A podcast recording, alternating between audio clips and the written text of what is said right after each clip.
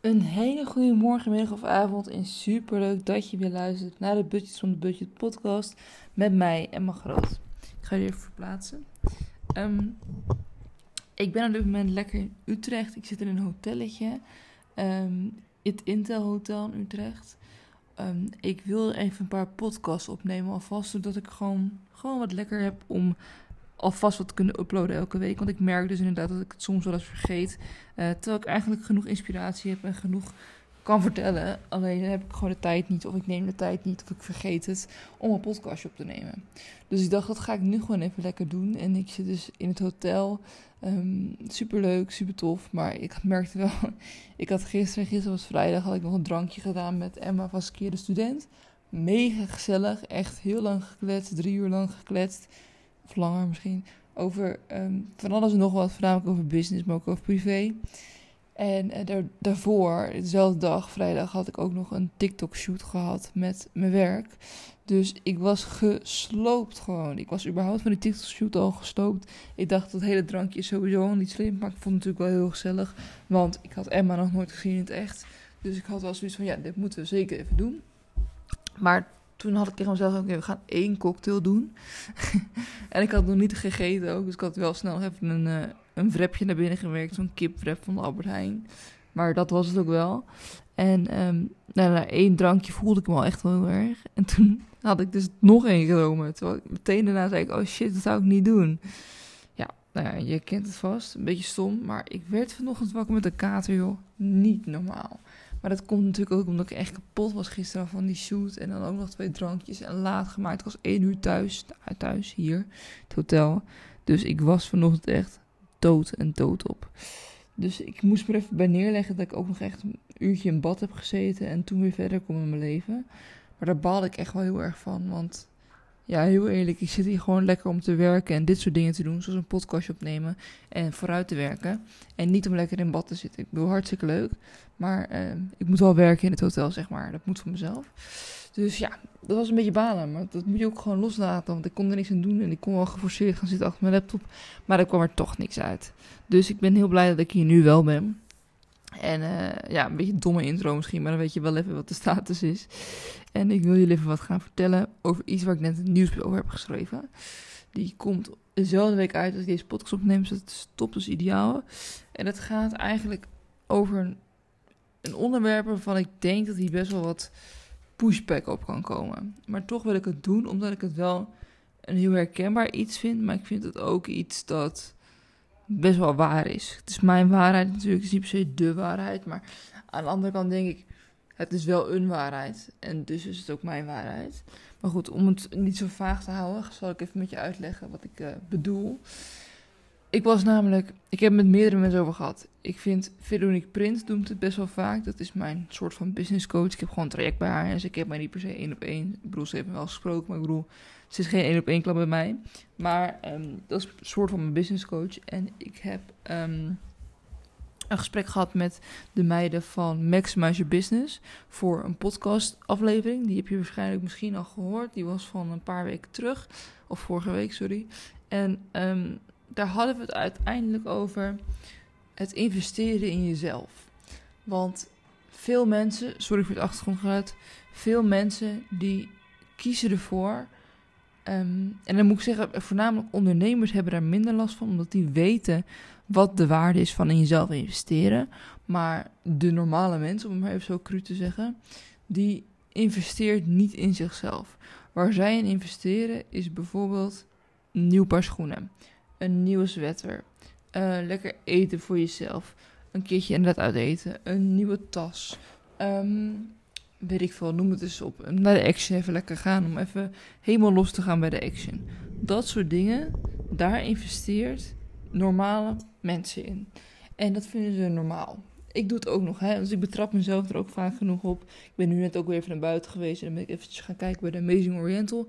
Was wel puur voor content. Dus alles wat ik gekocht heb, ga ik testen op beeld en zo. Maar toch koop ik het dan wel weer. En ik bedoel, ik krijg het niet terug of zo. Het is niet alsof ik betaald krijg om die video te maken. Dus dat is sowieso weer een kosten die niet nodig waren eigenlijk. Um, maar we even teruggaan op mijn punt. Iedereen koopt dus en vindt het bloed normaal. Dus ik koop nieuwe schoenen die misschien 100, 150 euro misschien wel kosten. Je koopt dus uh, drie nieuwe truien, in totaal zo'n 150 euro. Je koopt um, een keer een, een, uitje, weet je, een keer naar de, de musical à la 100 euro per kaartje. Um, weet ik veel, zulke dingen. Die doe je allemaal zonder erover na te denken. Nou, je denkt natuurlijk over na, maar ik bedoel, je doet daar niet heel moeilijk over. Je kiest voor jezelf. Je denkt, dit heb ik nodig, dit vind ik leuk, dit wil ik hebben. Wat dan ook. Ik ben geïnfluenced om dit te kopen, dus ik koop het. Wat prima is, ik doe dat ook. Maar wat mensen dan niet doen en waar ze er een keer heel moeilijk over doen, is investeren in jezelf. Bijvoorbeeld iemand die slecht slaapt, uh, slecht, een, een, slechte nachtrust heeft, ochtends altijd moe is en de hele dag door dus echt ja, uitkijkt om weer te kunnen slapen en dan s'avonds niet in slaap kan komen. Dat is iemand met een probleem. En het enige wat het oplost is investeren in een slaapcoach. In iemand die eh, stress kan oplossen. Ik ben natuurlijk geen expert erin, maar je snapt wat ik bedoel. Dus je, gaat op zoek naar iemand die je kan helpen met jouw slaapprobleem. Dat is investeren in jezelf. En zelfs dan zie je mensen die zeggen, of tenminste die zeggen niks, die doen het gewoon niet. Het enige wat mensen misschien wel nog eens doen is de fysio. En dat is dan weer zo'n ding, want de fysio zit bij de meeste mensen in hun zorgverzekeringspakket. En dan vind ik het nog echt wel een beetje, nou ja, eigenlijk, nee, niet dom, maar makkelijk. Toch? Het is toch, dan is het een makkelijke keuze. Tuurlijk ga je dan naar de fysio als je last ergens van hebt. Misschien kan de fysio het oplossen. Het is toch gratis. Terwijl girl of boy, pak even je shit together. Kijk wat je hebt. Kijk wat je probleem is. En investeer in iets wat je nodig hebt. En investeer niet in iets wat gratis is. Of wat bij je pakket zit. Of wat goedkoop is. Investeer in wat je nodig hebt. En ik vind, daar hoort ook inderdaad massages bij. Even een behandelingetje doen. Dat soort dingen zijn ook nodig om in jezelf te investeren. Maar als je even kijkt naar het bredere stuk, naar cursussen, naar trajecten, naar één op één begeleiding, naar business coaching, naar live dagen, naar business events. Ga zo maar door. Webinars, weet ik veel, uh, pdf'jes, bestanden, um, boeken. Uh, nou, je snapt wat ik bedoel. Daar willen mensen zo weinig mogelijk geld in investeren en zoveel mogelijk terugkrijgen. En dat merk ik heel erg ook bij mijn traject. En daarom ga ik er zo van aan. Maar we hadden het dus over met de dames van Maximize Your Business. En zij zeiden op een gegeven moment, ze namen ook mijn traject als voorbeeld. Dus daarom ging ik er inderdaad ook zo op aan. Maar er werd ook gezegd, kijk Emma, jouw traject, mijn budget van het budget traject, kost 299 euro. Dat mag iedereen weten. Dat is, en dat zeggen zij uit hun mond, een belachelijk lage prijs. En ik weet dat het zo is. Want Veronique Prins, mijn business coach, die gaat elke keer stuk als ik dat haar vertel. Dan zegt ze maar, hoe kan je 300 euro vragen? Belachelijk gewoon. Je, je geeft jezelf echt, je onderwaardeert jezelf gewoon. En gisteren ben ik met Emma van Budget van, uh, van Budget, dat ben ik zelf. Emma van Skeer Student geweest. En wat ik vertelde natuurlijk over die drankjes doen. We hebben het ook gehad over mijn business en over haar business. En zij zegt ook, het is gigantisch weinig dat je 300 euro vraagt voor je traject. Dat is gewoon niet genoeg.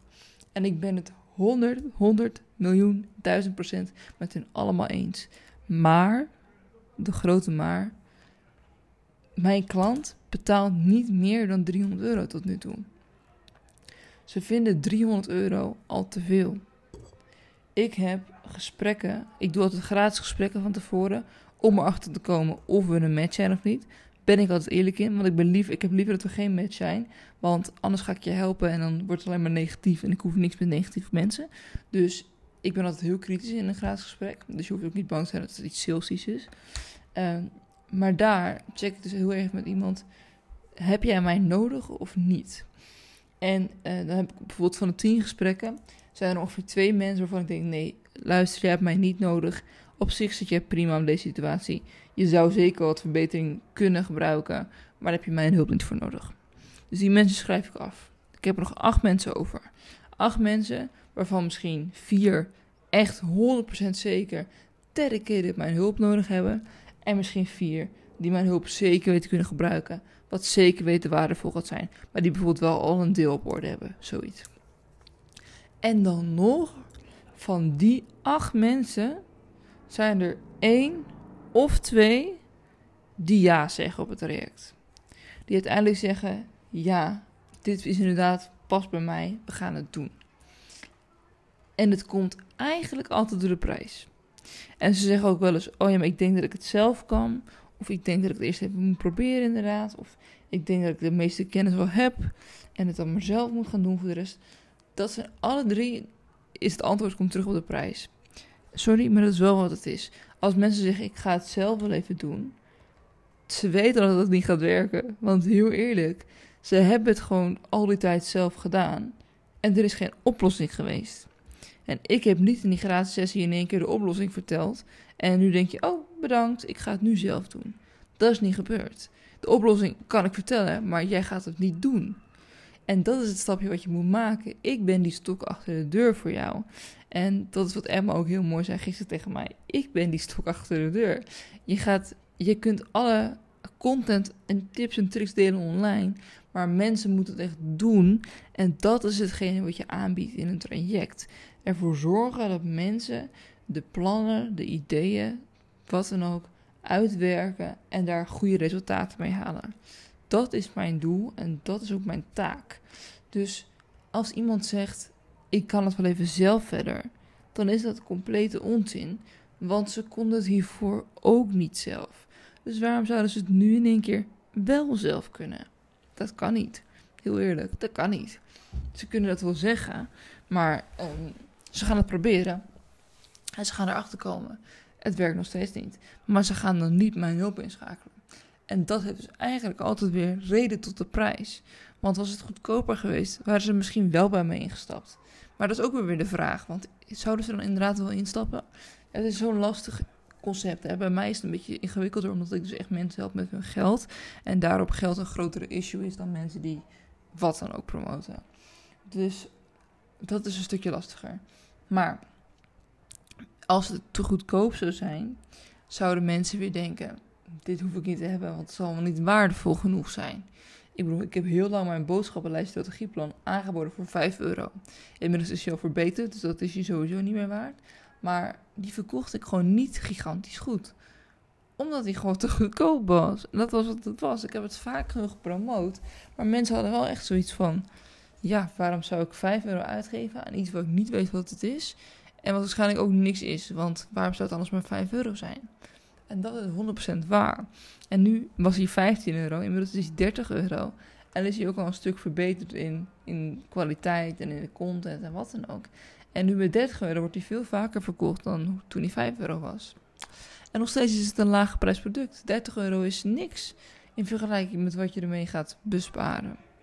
Ik heb mensen gehoord die 150 euro besparen in de maand. Ik heb mensen gehoord die uh, een tientje besparen in de maand alle kanten gaat op. Als je een tientje in de maand bespaart, en dat is het minimale, dan heb je na drie maanden dat boodschappenlijstje er alweer uit. Ja, sorry, de rest is winst. Wat is het probleem? Waar twijfel je over? En als je 150 euro per maand bespaart, was een heftig hoor. Maar ja, dan hoef ik natuurlijk niet te vertellen, die 30 euro, die heb je in één maand eruit. Met 120 euro winst. Ja, dan vraag ik me echt af, waarom zou je het überhaupt niet doen? Waarom zou je niet gewoon testen? En dat is ook wel een goede om te noemen. Hè? Ik bedoel, ik vind dat het, ik zeg dat wij ondernemers, ik ben niet echt een ondernemer, want ik ben ook gewoon nog in loondienst. ik ben maar één dag in de week voor mijn, voor mijn business. Maar ik zie het wel aan andere ondernemers om me heen.